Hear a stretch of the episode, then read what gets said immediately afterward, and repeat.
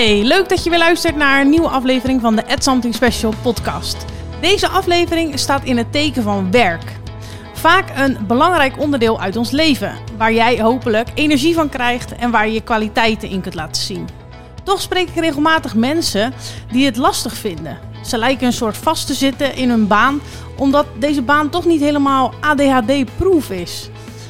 Veel stilzitten, weinig prikkels, dat soort dingen. Maar bestaat er dan een ideale baan voor een ADHD'er?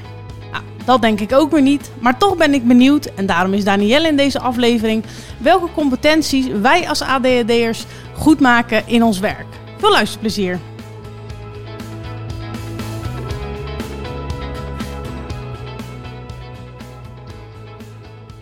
Nou Danielle, welkom in de podcast. Dankjewel. Leuk dat je er Superleuk bent. om hier te zijn. Ja, ik vind het heel leuk om hier te zijn. Leuk, leuk. Eh, nou ja, misschien kun je je eventjes eh, voorstellen wie ben je en wat doe je? Ja, zeker. Ik ben eh Danielle. Ik ben 35 en ik woon samen met mijn man en dochtertje van anderhalf in, in Amsterdam. En ehm, ik heb tien jaar lang in de mode gewerkt. Vier jaar geleden heb ik een switch gemaakt naar, eh, naar carrièrecoach. Ehm, en dat is wat ik nu doe. Ik coach mensen met ADHD die verder willen kijken dan het label en die vastlopen in hun werk om eh, de baan te vinden die bij ze past en het leven te leven op hun manier. Nou, klinkt goed. Ehm, ik denk dat we er een hoop uit gaan halen. Eh, allereerst eventjes, je zei net je carrière switch. Eh, waar kwam die vandaan? Ja, ik, ehm, ik heb heel lang met heel veel plezier in de mode gewerkt. Ik had een baan waar ik echt veel voor moest reizen. Er waren heel veel feestjes. Het was echt eh, nou ja, een soort van droom. Ik wilde altijd al carrière maken. En toen kwam ik eigenlijk op een punt waarvan, waar alles ook weer een beetje routine werd. Waar ik alles al wel weer gezien had en waar ik me heel erg in ging vervelen. En bovendien was die wereld veel competitiever dan ik dacht. En ehm, ja, voelde ik me daar op een gegeven moment niet meer thuis. Eh, niet meer op mijn plek. En ehm, ja, toen kwam ik echt op het punt waar ik dacht, en nu is dit het dan? Eh, en eh, dat voelde gewoon niet goed voor mij. Dus ik wilde echt iets anders gaan doen. Wist je toen al dat je ADHD had? Nee, nee. Dus het is, wel, het is allemaal wel een beetje tegelijk, zeg maar, samengevallen. Maar ik ben op een gegeven moment dus met mijn baan gestopt. En heb mijn koffers gepakt en ben ik drie maanden op reis geweest. En eh, toen kwam ik terug en toen wist ik één ding zeker. En dat was niet meer 40 uur per dag achter de computer zitten. Maar ja, wat dan wel, wist ik niet. En, Dat is ook wel heel eh, veel hoor, 40 uur per dag. Oh, per dag. per, week, per week is al genoeg, Ja. inderdaad. ja, precies. Nee, dat wilde ik niet meer. Maar ik wist gewoon echt niet wat ik wel wilde. En ehm, ja, ik ben toen echt met de zoektocht begonnen. En heb ik, ben ik in de horeca gaan werken. ehm, maar het werd bijna van kwaad tot erger. Omdat ik gewoon niet bewust bezig was met wat is nou wat ik wel wil. Ik was gewoon heel onzeker. En ik dacht, ja, ik kan helemaal niks. En dat werd alleen maar erger, die gedachte. Dus uiteindelijk ben ik toch weer teruggegaan naar de fashion. En naar de baan die ik niet wilde. En eh, daar ben ik overspannen geworden. En toen, ehm, ja, toen kwam op een gegeven moment mijn therapeut. Die zei, joh, misschien heb je ADHD. Dus eh, ik wist in eerste instantie niet dat ik ADHD had toen ik in de zoektocht was van welke baan past nou bij mij. Ehm, ja, maar toen ik het eenmaal wel wist, toen kwamen er wel heel veel dingetjes op zijn plek in allerlei manieren. Dus nu ik het wel weet, was dat weer een nieuw iets wat erbij kwam. Wat mij weer zoveel duidelijkheden gaf, dat ik daar juist mensen in wilde begeleiden. Dus ik had al besloten dat ik coach wilde worden. Dat was niet specifiek voor mensen met ADHD, maar meer mensen die vastliepen in hun carrière. En automatisch kwamen er eigenlijk eh, mensen met ADHD op mijn pad. Dus dat is ook alweer bijzonder hoe dat dan, hoe dat dan gebeurt. Ehm, en ik merkte gewoon dat ik daar echt het verschil kon maken. Want ik begrijp deze mensen. Want ik ben er zelf ook één. Of ik, ik heb het zelf ook. En dat is bijna wat ik mijn hele leven heb gezocht. Iemand die mij snapt. Dus ik maakte dat dat al heel veel uitmaakte. Dus de combinatie werk en ADD, dat is eigenlijk een beetje zo gegroeid. Dus eigenlijk de ervaring die je zelf had en hè, toen kon je soort van op niemand terugvallen. Dat bestond nog niet of zo. Toen dacht je van nou, dan ga ik dat zelf gewoon creëren voor mensen die dat ook hebben, zeg maar. Ja, ja, nou, precies. Vind ik wel heel mooi. Uh, eventjes uh, heel kort, is het dan bij jou vooral ADD of ADHD of gecombineerd? Of is dat er bij jou niet uitgekomen? Jawel, gecombineerd. Oké. Dus allebei, ja. Ja, ja, je bent een gezegend mens. Je hebt het van alle twee een beetje. Ik heb de jackpot, ja precies, ja. Hey, misschien ook wel een mooie. Toen ik aan het voorbereiden was, toen uh, keek ik op jouw Instagram en toen zag ik dus dat je een uh, challenge aan het doen was. Dus straks duiken we wat dieper uh, in op het werk. Maar ik dacht, misschien is het toch wel heel even leuk om jou even over je challenge van dichter bij jezelf blijven. kort even iets te vertellen, ben ik wel benieuwd naar.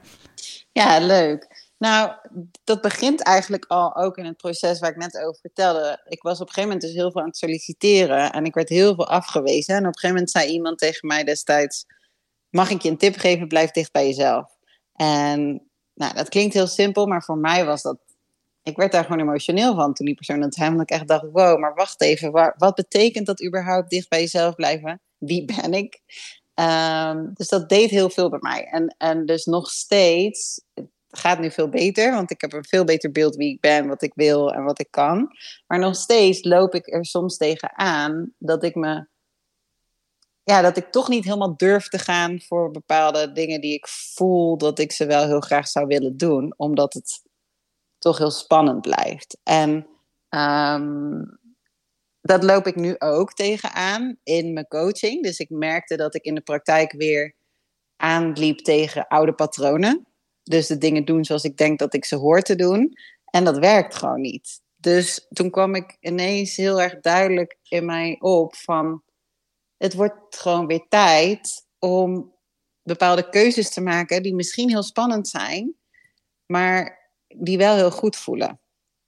Uh, dus ik heb dat een beetje als een challenge opgepakt. Ik had ergens een keer gehoord van iemand in een podcast die had gezegd dat hij een challenge aan was gegaan om een heel jaar lang eerlijk tegen zichzelf en iedereen te zijn. Nou, dat was wow. had en hele mooie dingen opgeleverd en ook hele, ja, best wel uh, moeilijke momenten, zeg maar. Haar hele leven is toen helemaal uh, op de schop gegaan. Maar een beetje op die manier kwam ik, oké, ik wil de challenge met mezelf aangaan voor de rest van het jaar. Om echt te kiezen voor wat ik wil en dus ook soms te kiezen voor wat niet zo goed voelt.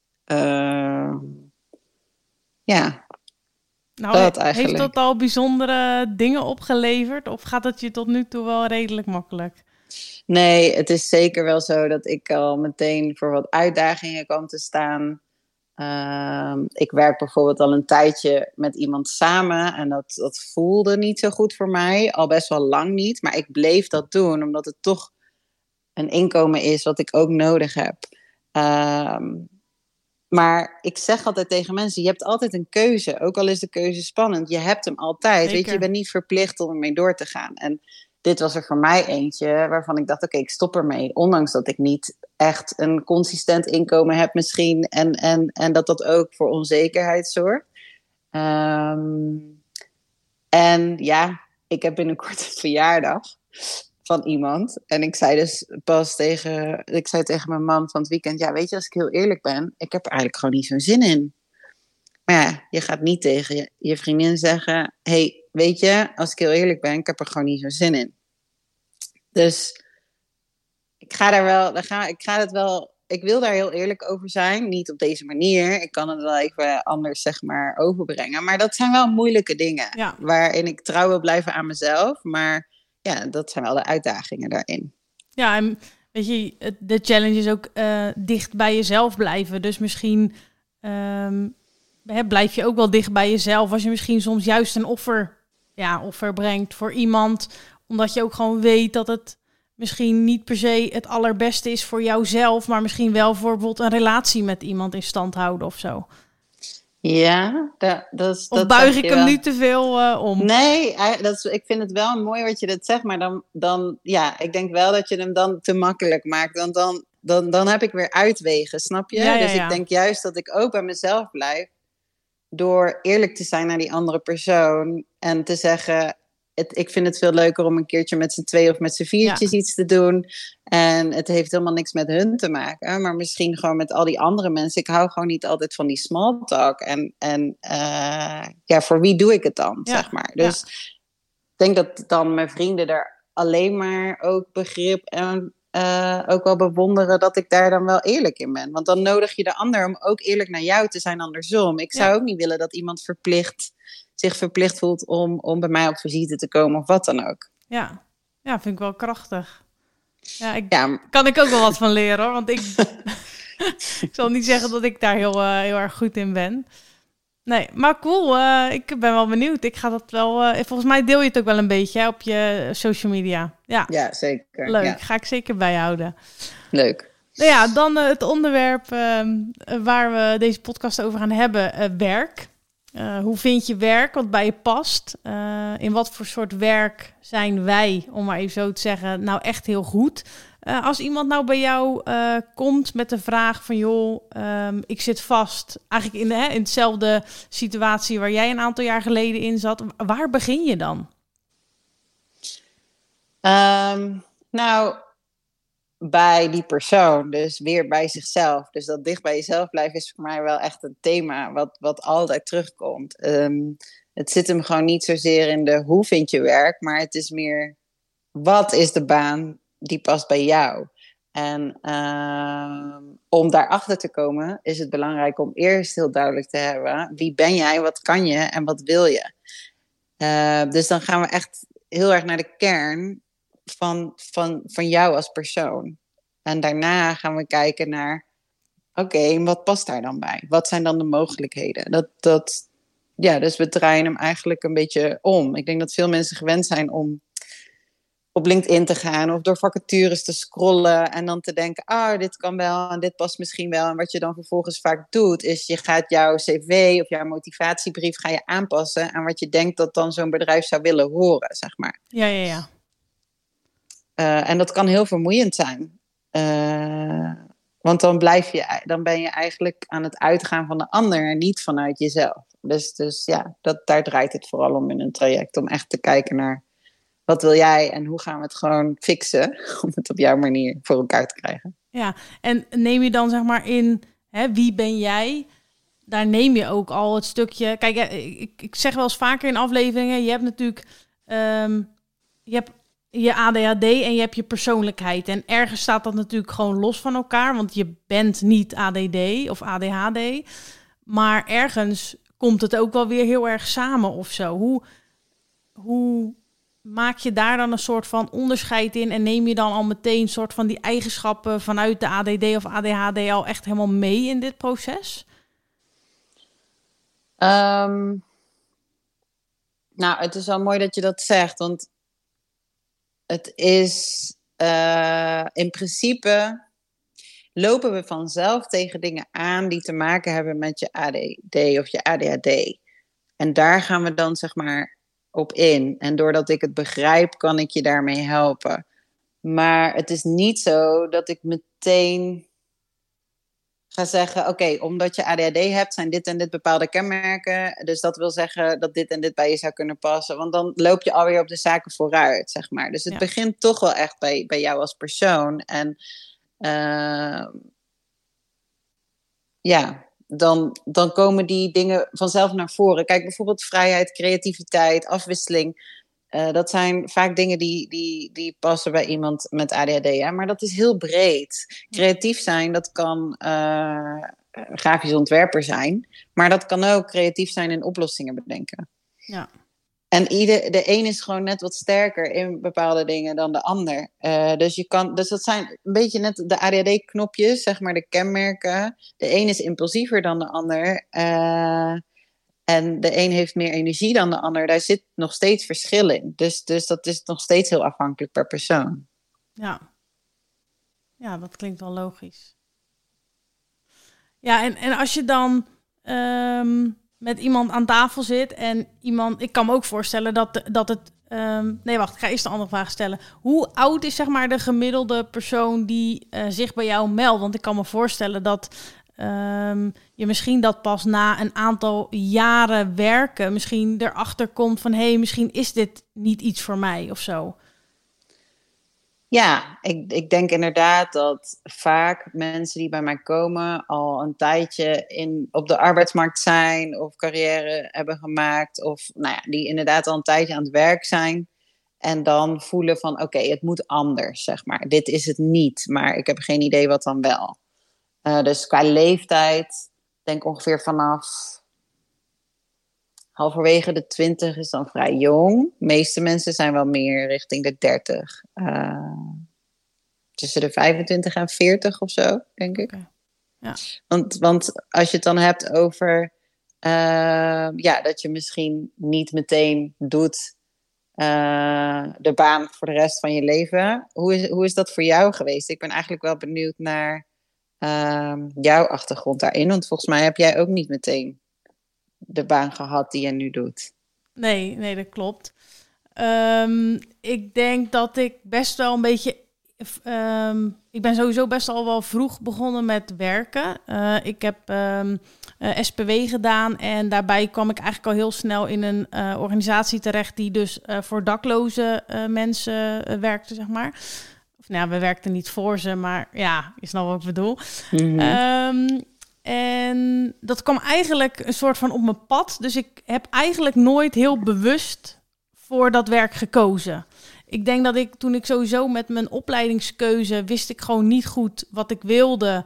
En dacht ik van, ja, ik, ik, ik zat een beetje in een fase van ja, ik wil wel iets stoers en ik wil een beetje uitdaging. En toen dacht ik, nou, dan ga ik maar gewoon iets met, met het sociaal werk doen, want dan kan ik misschien wel een coole baan vinden of zo. Ik, ik eigenlijk zonder echt heel erg na te denken uh, heb ik die opleiding gedaan.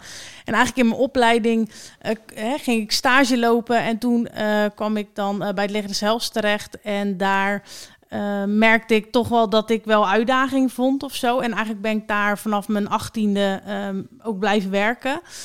Um, en eigenlijk merkte ik dat ik heel erg de het verantwoordelijke wilde of zo, weet je wel. Dus ik um, had op mijn, uh, ik was volgens mij bijna 19 en toen heb ik uh, bijvoorbeeld een jaar uh, op straat gewerkt. Dus dan gingen we echt dakloze mensen opzoeken op straat, gingen proberen een vertrouwensband op te bouwen, zodat we ze soort van konden verleiden om hè, in zorg te komen. Dus bijvoorbeeld naar, mee te gaan naar een nachtopvang of dat we, we vaak dan ook wel natuurlijk qua hygiëne en, en ziektes en zo van joh, ga toch eens naar een dokter toe. Dus echt zeg maar de hele basic hulpverlening. En uh, nou ja, dat, dat was achteraf, was daar gewoon veel te jong voor, maar ik vond dat gewoon heel cool. Uh, maar goed, toen kwam toch wel een moment dat ik dat gewoon toegaf en dacht van joh, misschien is dit gewoon iets te heftig voor als je 19 jaar bent. Um, toen heb ik daarna heb ik de stap gemaakt om in een um, opvang te we gaan werken waar 26 mensen woonden die dus verslaafd waren, zijn. En die daar dus ook mochten gebruiken. Dus eigenlijk best wel een unieke uh, manier van hulpverlening. Omdat eigenlijk binnen heel veel hulpverlening er toch wordt gezegd van joh, uh, wij gaan jou pas helpen als je stopt met gebruiken. En deze uh, afdeling was eigenlijk opgezet omdat er gewoon heel veel overlastgevende mensen waren op straat. Die dus inderdaad niet in een nachtopvang wilden slapen, omdat ze daar niet mochten gebruiken. En deze mensen eigenlijk zo afhankelijk zijn van drank, maar vooral ook drugs dat ze eigenlijk maar op straat bleven hangen. En uh, de gemeente vond dat eigenlijk toch wel uh, zodanig nou ja, vervelend dat ze daar dus een plek voor wilden maken. Dus op een groot industrieterrein hebben ze toen een huis neergezet. En daar uh, hebben ze dus inderdaad de, de overlastgevende drugsgebruikers, zeg maar, hebben ze in dat huis gestopt. En met als, nou ja, niet als voorwaarde om dan te hoeven stoppen. En ja, ik denk dat ik dat werk wel voornamelijk ook gedaan heb om maar een uitdaging op te zoeken. Dus als ik dan zeg maar even nu van mijn verhaal wat meer hè, de, diepte en de achterliggende gedachte daarachter, is denk ik vooral dat ik gewoon al heel jong verantwoordelijk werk wilde doen met heel veel spanning. Wat ook soms wel eens net wel, net niet uit de hand kon lopen of zo. En wat is dan, wat is dan verantwoordelijk werk voor jou? Wat, wat versta je daaronder? Ja, dat, ik denk dat dat meer een gevoel is of zo. Ik denk, ehm, ik, ik heb bijvoorbeeld ook hè, als, als jeugdbaantje heb ik bijvoorbeeld in de, in de, in supermarkt gewerkt. Ja, dat, dat was voor mij niet, daar had ik niet verantwoordelijkheid. Daar, daar moest ik een keuze maken of ik uh, een hakpotje in welk vak zette, weet je wel. Dat, dat was voor mij, dat gaf niet genoeg lading of zo. Dus ik, ik wilde wel... Ja, dus niet, ik wilde niet de voldoening haalde je ja, eruit. Ja, ik wilde wel echt iets belangrijks toevoegen of zo. Ja, dus ik denk inderdaad heel, veel, heel erg om voldoening gaat daarin ook. Want welke verantwoordelijkheid droeg jij dan in deze banen? Um, ja, ik denk toch wel dat je, je had een eigen uh, caseload, noem je dat dan, met een, uh, met een aantal cliënten waar die jij gewoon moest begeleiden. Dus jij moest de gesprekken voeren van, hé, hey, waar wil je naartoe en um, wat wil je bereiken? En ja, als ik, daar, als ik ze daarin niet ging helpen, dan gingen ze zelf ook niet bewegen, zeg maar. Dus er zat best wel een stukje stimuleren en enthousiast proberen te maken om nog iets uit het leven te halen. Ja, mooi. Mooi werk. En vooral op een jonge leeftijd wel echt uh, heel krachtig. hey, maar je werkt nu bij de politie, dus je bent er niet gebleven. Wat heeft er voor jou gezorgd? Wat, wat, hoe, wat is daar gebeurd?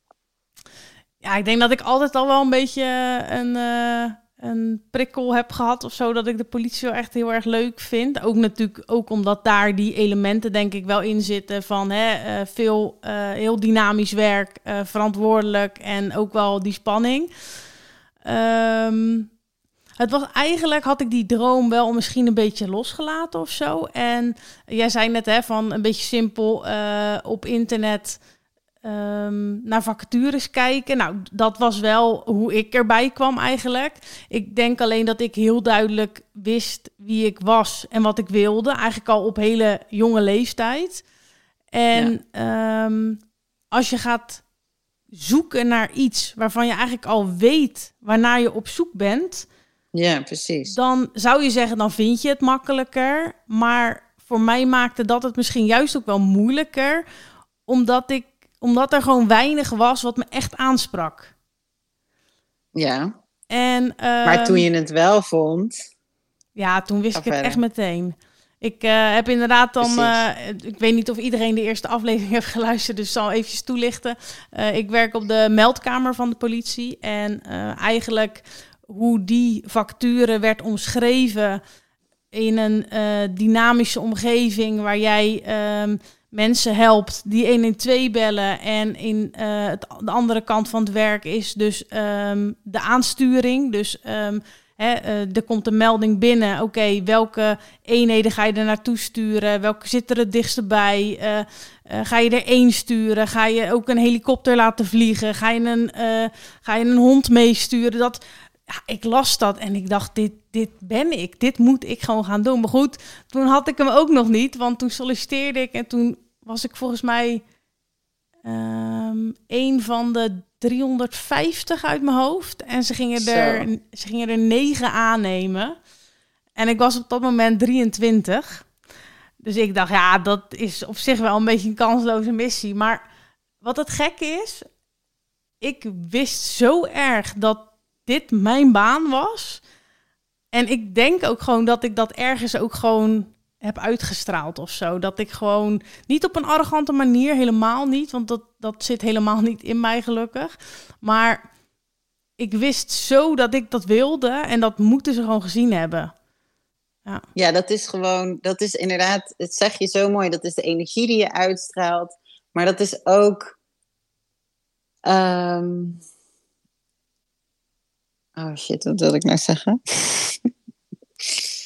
um, het is gewoon zo'n fijn gevoel dat als je weet, dit is het, dan heb je veel meer vertrouwen. Dan hoef je ook niet.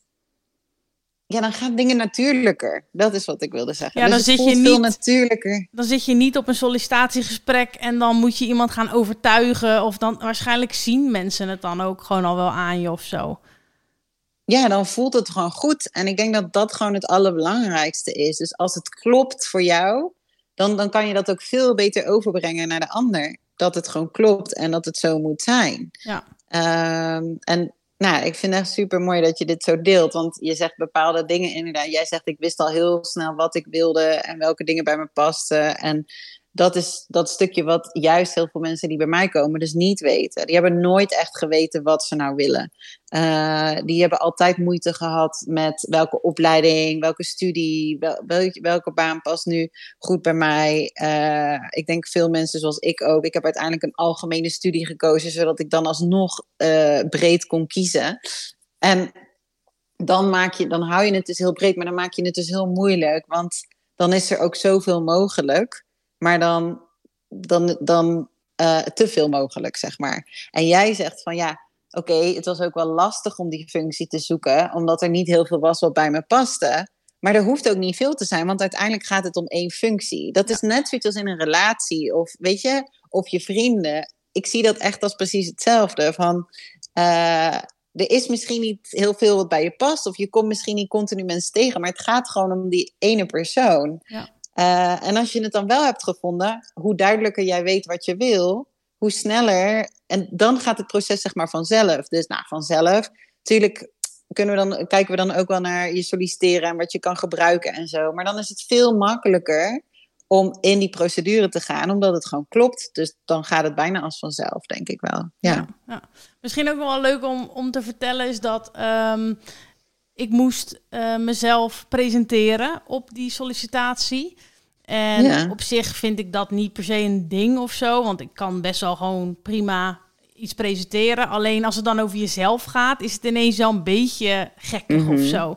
En ja. um, wat ik toen uh, gedaan heb, is, um, dat gaf jij natuurlijk in het begin ook al aan. Um, ik wilde mezelf laten zien. En ik dacht, ja, dat ga ik misschien in zo'n presentatie, ga ik dat toch geforceerd zitten doen. Van, hé, jullie zoeken dit, dus dan ga ik maar dat zeggen. Uh, toen heb ik er dus voor gekozen om een uh, video te maken over mezelf. En um, ik heb dus de tekst ingesproken, want ik vond het awkward om echt één op één op, in een camera iets te vertellen over mezelf.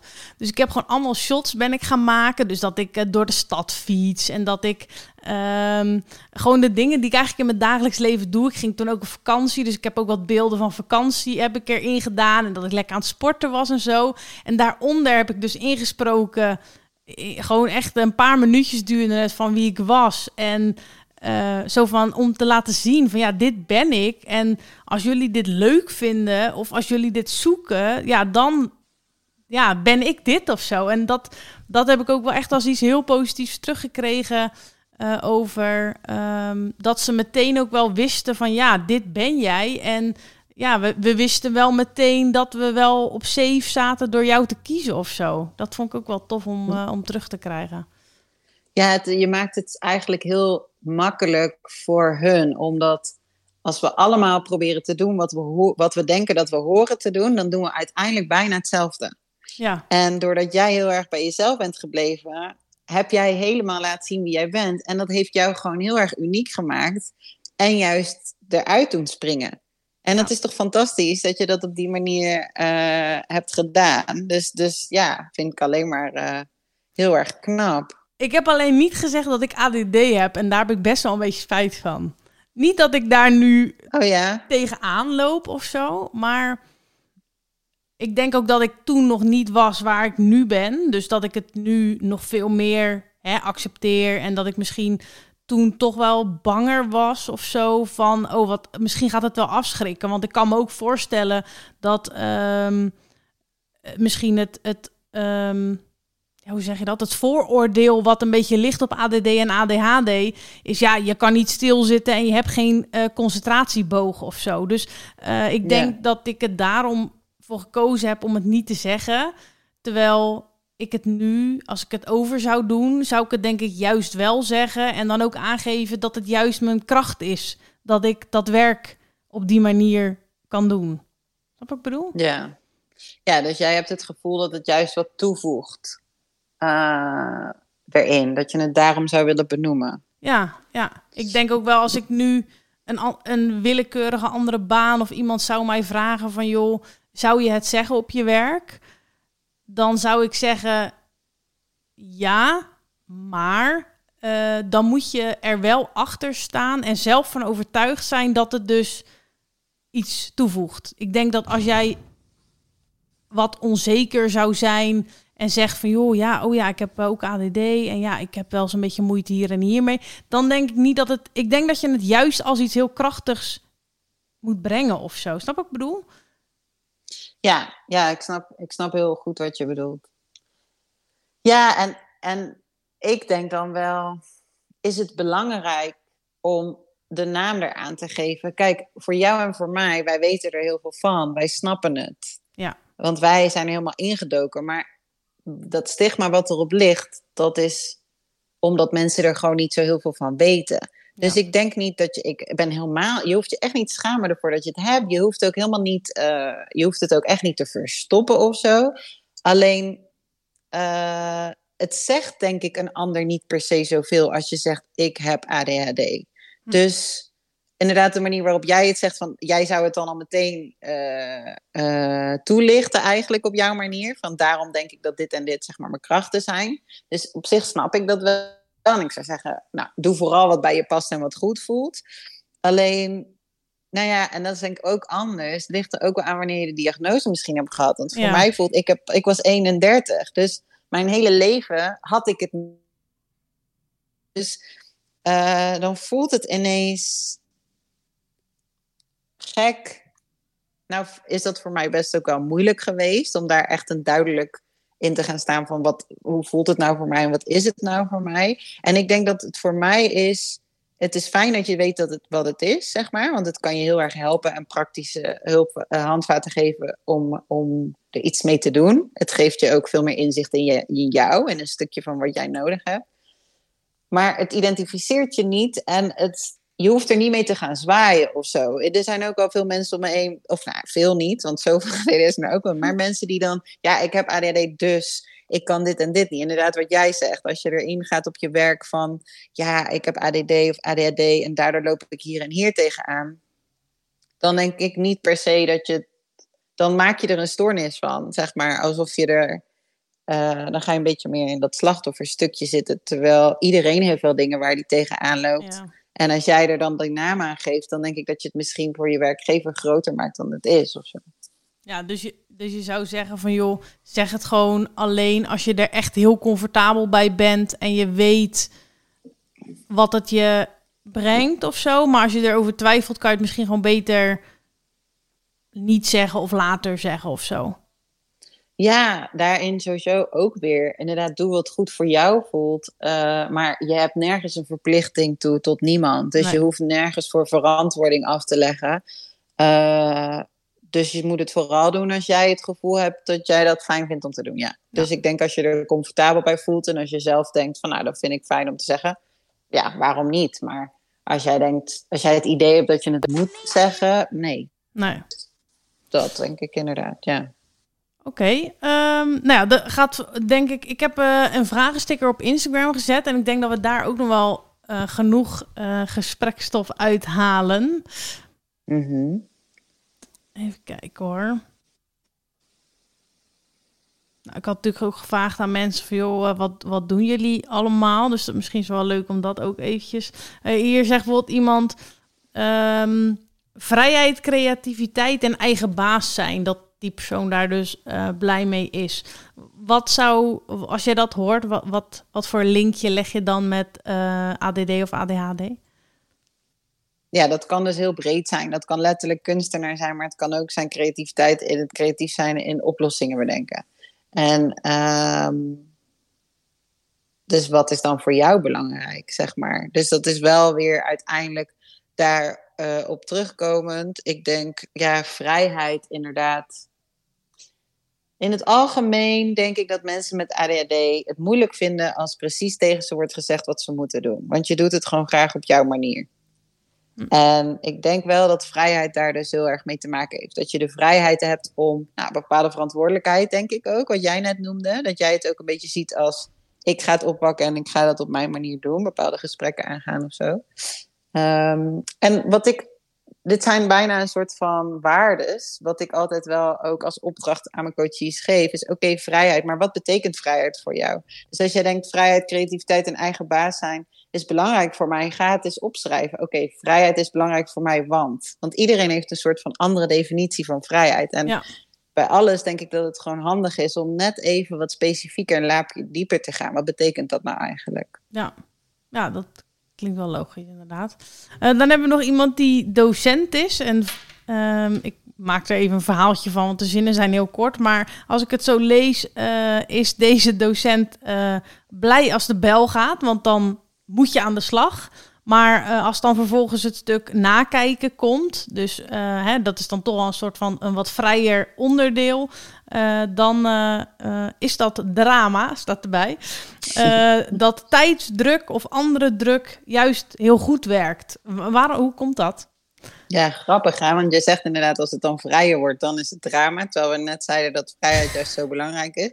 Dus ik denk wel dat het daarin dus zo belangrijk is om te denken, wat is nou vrijheid inderdaad? Want ook deze leraar, ik denk dat hij waarschijnlijk vrij vrij is in zijn lessen vormgeven, zeg maar.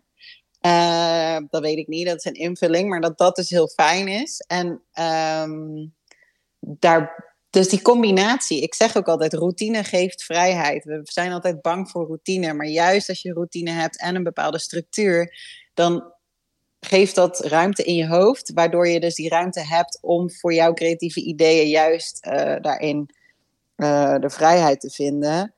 Ja, dit, dit, waarom dit zo is, is omdat we als ADD'ers niet echt een goed besef hebben van tijd. We zijn niet zo goed in het heel erg ver vooruit denken. En we denken altijd vaak dat we toch nog wel tijd hebben. Mm -hmm. um, dus dat, dat hoort denk ik gewoon een stukje bij het ADHD. Maar daar is echt wel wat aan te doen. Je hebt online echt heel veel tools die je toe kan passen om je hierbij te helpen. Zo heb je bijvoorbeeld FocusMate. Ik weet niet of je daar wel eens van hebt gehoord. Geen idee. Nou, dat is best wel leuk. Veel van mijn coaches gebruiken dat en vinden dat super leuk. Uh, dan plan je in de agenda een, een soort afspraak in. Uh, dat doe je niet specifiek met iemand, maar je zegt gewoon: Oké, dinsdagmiddag om drie uur wil ik nakijkwerk gaan doen. Of nou, wil ik niet, maar ik moet het gewoon doen, zeg maar. Maar ik heb een bepaalde tijdstuk nodig. Nou, dan plan je in die agenda drie uur in. Dan word jij gekoppeld met iemand. Het kan van over de hele wereld zijn. Wow. Uh, die gaat ook hetzelfde, dus die heeft ook iets waar die aan wil werken. En uh, je hebt een Zoom-meeting daarmee. Of in ieder geval, je krijgt een link. Maar die andere is, die wacht op jou. Dus je gaat niet zomaar zeggen: Oké, ik heb er geen zin in, ik ga het niet doen. Dus alleen al doordat je dan gekoppeld wordt aan iemand anders die ook geconcentreerd wil werken. Want vaak gaat het erover, als we eenmaal bezig zijn, lukt het ons wel. Het is gewoon dat ja. starten ermee, zeg maar. Dus dan gaat het echt over trucjes gebruiken. En dus bijvoorbeeld dit soort tools, die kunnen je dan helpen om het dat daadwerkelijk te gaan doen. Ik ga hem hieronder even linken. Ik ga er ook zeker eventjes naar kijken. Toch vind ik het wel uh, bijzonder. En dat, hè, dat, dat zal echt niet per se een ADD of ADHD ding zijn. Maar dat we dus een afspraak met onszelf moeilijker na kunnen komen dan als er een ander bij betrokken is. Dus als ik zou zeggen van joh, morgenochtend gaan wij samen hardlopen. Dan, hè, dan voel je een bepaalde verplichting. Dus je, hè, je hebt misschien geen zin om op te staan. Maar je denkt, ja, hè, Danielle wacht op mij. Dus dan ga ik maar mijn bed uit. Terwijl als ik die afspraak met mezelf zou hebben, dan is die toch makkelijker te cancelen of zo. Eigenlijk is dat best wel bijzonder. Ja, en ik denk wel dat dat voor veel mensen met ADD, ADHD gebeurt. Omdat we ons heel erg aanpassen aan anderen. Ik denk ook wel vooral bij vrouwen. Niet iedereen heeft dat. Maar ja, dat is, dat is heel bijzonder. Want weet je, je zou jezelf gewoon wat vaker op nummer 1 moeten zetten. Uh, daarin. Ja, want eigenlijk vind je dan een soort van een ander belangrijker dan jezelf. En Precies. Ja, of dat dan positief of negatief is, dat maakt dan natuurlijk niet heel veel uit. Nee, en blijkbaar heb je de keuze. Dus blijkbaar in jouw hoofd heb je bij jezelf toch nog de keuze om het niet te doen. Dus ja. ik denk wel dat het een bepaalde commitment is. Uh, dus het helpt om een tijdslimiet eraan te geven. Wat ik ook vaak zeg, wat dus ook heel erg helpt, is om bijvoorbeeld te zeggen: Nou, dan ga ik Um, als bijvoorbeeld mediteren. Heel veel mensen willen mediteren elke dag, zeg maar. Nou, mij heeft dat heel lang, is dat mij niet gelukt. Op een gegeven moment ben ik echt een challenge met mezelf aangaan. Een commitment. Ik ga het 40 dagen doen, elke dag, 10 minuten. Maar als ik geen zin heb, dan doe ik het één minuut.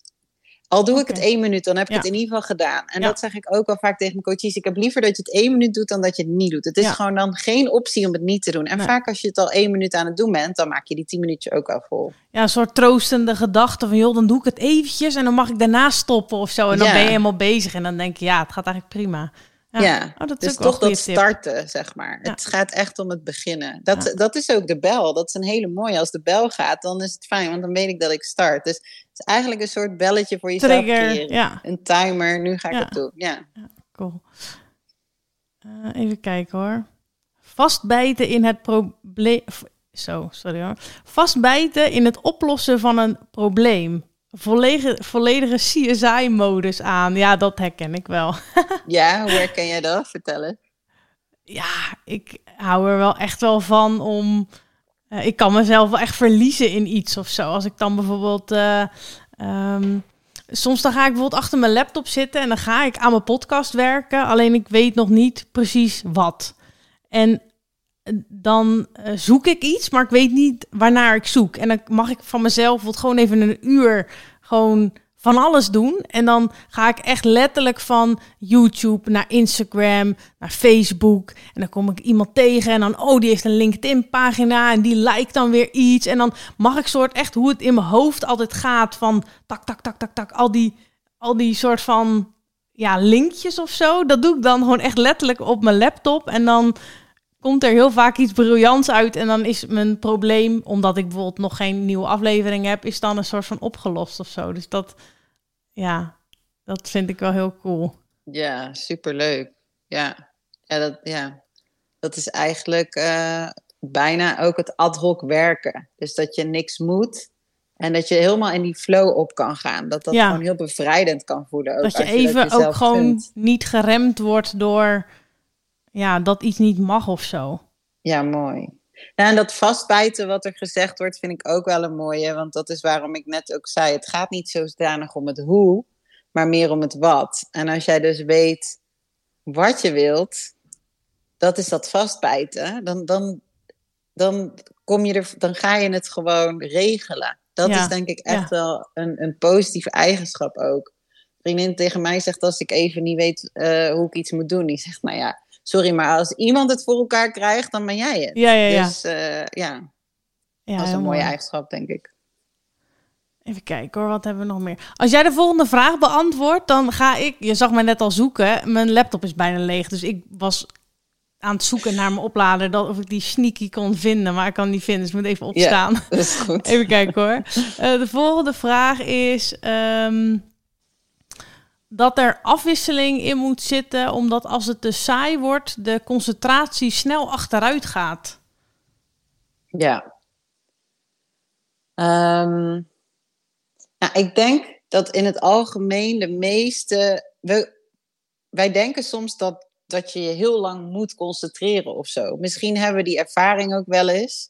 Dat je, eh, omdat we dus ook een hyperfocus kennen, dat we ook de ervaring hebben dat we soms heel lang ehm, ergens op kunnen focussen. En op een of andere manier willen we dat dan altijd kunnen. Maar er is niemand, geen enkel mens, die, eh, die zich heel lang ergens op kan focussen. Dus dat even over het, over het focusstukje, dat we daar ook niet te streng in moeten zijn. Ehm, en inderdaad, die afwisseling, dus dat je dan dus je brein gewoon eigenlijk blijft prikkelen. Ik denk dat dat gewoon ook het, de balans is tussen overprikkeling en onderprikkeling. Dat je, eh, dat je je brein moet blijven prikkelen en dat we het daarom zo prettig vinden om heel veel afwisseling te hebben in ons werk. Want anders vervelen we ons gewoon heel snel. Ja. Hoe zou je dat dan kunnen doen? Zeg maar? Dus als er mensen zijn die denken, hé, hey, dat herken ik. Eh, ik kan gewoon niet heel lang aan één taak werken, maar ik vind het, ik durf dat eigenlijk niet echt tegen mijn werkgever te zeggen of zo. Zou je dan, ik zit zelf even te bedenken, want ik heb dat zelf niet, maar zou je dan misschien nog taken bijvoorbeeld kunnen opdelen, dat je het misschien combineert, van dat je de ene keer eventjes iets leuks doet, dan doe je weer een kwartiertje wat minder leuks, of hoe, hoe zou je dat best kunnen aanpakken? Nou, met eerst even kijken met wat je wel doet, hoe je je week indeelt. Dus ben jij in je ochtend op je best of ben je in je avond op, de op je best? Weet je, als jij in de ochtend op je best bent, plan dan de dingen waar je voor je moet focussen in de ochtend. En plan dan bijvoorbeeld afspraken of vergaderingen of dingen in de middag in. Zodat je dan daar minder focus voor nodig hebt. Dus pas je agenda aan op hoe jij functioneert als het lukt met dat wat jij kan. Als jij een hele eentonige baan hebt, dan, dan ja, in eerste instantie denk ik, oké, is dat dan wel de baan voor jou? Maar je kan inderdaad dat wel bespreken, denk ik, op werk. Ehm, of je andere dingetjes erbij kan doen. Um, ja, zeker. Ik, zou, ik zeg altijd, bespreken is denk ik altijd een goed idee. Ja, ja dat denk ik ook wel. Hey, uh, we hebben natuurlijk niet heel erg veel over uh, jouw uh, ADD en ADHD gehad. Maar nou ja, je weet dat ik altijd aan iedereen vraag waarom je blij bent met je ADHD of ADD. wat, wat, maakt het ervoor dat je, wat zorgt ervoor dat jij er blij mee bent? Of ben je er blij mee? Misschien wil ik het zo vragen. nou, ik ben er, ja, ik ben wel blij vooral met het stukje dat als ik scherp ben, als het goed met me gaat, dat ik dan echt ja, dan voel ik wel een soort superpower of zo. Dat ik het mhm. overzicht heb, dat ik met iedereen mee kan denken. Als ik helemaal in mijn element zit, dat het gewoon allemaal lekker snel gaat. Dat vind ik wel, ja, heel erg leuk aan mijn ADHD. Als dat iets van logica. Uh, uh, ik denk dat we hem allemaal wel voelen hoor. um, ja, dus dat is uh, waarom ik wel blij ben met, met mijn ADHD. Nou, ja. Goed en omdat de connectie met anderen uiteindelijk of zo. Ik heb in mijn hele leven me afgevraagd wat er mis met me was. En het idee gehad dat er iets niet klopte. En nu ik het weet en het ook van andere mensen weet. En nu ik het ook vaker benoem. En er dingen op mijn pad komen en mensen op mijn pad komen die hetzelfde zijn als ik. Voel ik me niet meer zo alleen. En vind, krijg ik ook heel veel energie om erover te praten. Ja, heel leuk. Ja, nou, dat heb ik, dat, dat, dat, volgens mij hebben wij dat ook, als ik dat even van mijn kant invul. Maar ik heb inderdaad volgens mij nog nooit gehad dat ik met iemand een podcast maakte of een praatje had uh, rondom een podcast. Die er inderdaad dat ook heeft, waar ik van dacht van, nou, ik, jij ligt mij niet zo of zo. Dat, dat is eigenlijk heel bijzonder, want ik heb dat vaak genoeg. Dat ik denk van, nou, ik weet het, ik weet het niet. Je bent gewoon niet helemaal oprecht. Of weet je, een beetje dat, zo'n gevoel. Dat, dat heb ik eigenlijk... Uh, ja, dat heb ik eigenlijk weinig met, uh, met ADD'ers voor ADHD. Ja, leuk. Ja. Hey, en uh, wat uh, als laatste, een tip of een spreuk voor de luisteraars? Ja, één spreuk die ik wel vaak gebruik en die ik heel mooi vind is be a little more you and a lot less them. Ehm, ik denk gewoon dat veel mensen met ADHD zich echt aanpassen aan anderen. Je moet niet op anderen willen lijken. Je moet, of nou, je moet sowieso niks, maar je mag gewoon helemaal jezelf zijn. En uh, je bent gewoon heel erg mooi zoals je bent. Um, dus ja, dat is wel uh, een spreuk die ik wil delen. Wauw. Nou, daar kunnen we allemaal nog wel eventjes over nadenken. Ik denk dat we daar allemaal wel iets uit kunnen halen. Ja, ja uh, Danielle, um, Um, jij wilde ook nog een, eh, een actie uh, weggeven. Um, dat als mensen jou eventjes uh, volgen en jou een berichtje sturen, wat kunnen ze dan winnen? Ja, een boost sessie bij mij. Ik, uh, jij vroeg mij voordat we de podcast opnamen van wat kan jij in podcast meegeven waar mensen echt iets aan hebben, waar ze iets mee kunnen. En ik vond dat best wel een lastige vraag, want ik wil dan zoveel zeggen. En zoals ik ook al in de podcast heb gezegd, het is gewoon heel erg persoonsafhankelijk. Dus uh, ja, toen bedacht ik me wat ik dan wel heel graag wil geven als cadeau is een boost sessie. En in een boost sessie die duurt anderhalf tot twee uur. En dan gaan we echt kijken naar wat echt belangrijk is voor jou, wat jou drijft. En dan ja, vaak toch echt wel gewoon een duwtje in de juiste richting. Dus dat we wat meer de diepte ingaan. Um, en als je die wilt winnen, dan mag je me volgen op Instagram, Danielle Meesters. En dan mag je me een DM sturen uh, met waarom jij deze sessie graag zou uh, willen winnen. En dan uh, gaan we daar een winnaar uithalen. Zullen we zeggen eind september? Dus dan hebben mensen een week of uh, zes, zeven om te reageren. Dan uh, uh, ga jij gewoon iemand kiezen die inderdaad gemotiveerd is en waar jij mee aan de slag kan. Ja, goed idee. Ja, Laten we echt. inderdaad dan zeggen eind september. En mocht je sowieso wat meer tips willen, dan heb ik ook een gratis e-book die je kan downloaden op mijn website. Eh, die kan je misschien ook onder de podcast Ja. zetten. Maar dat is vivecoaching.nl. Ehm, dus die is sowieso voor iedereen. Maar eh, ja, leuk. Ik kijk er naar uit om de aanvragen voor de sessie binnen te krijgen. Leuk. Nou, echt eh, super bedankt ook voor je cadeau en voor je deelname aan de podcast. Eh, we gaan je challenge in ieder geval ook volgen. En dan zou ik zeggen, nogmaals bedankt en een fijne dag nog. Ja, jij ook. Graag gedaan. Doei. Doei.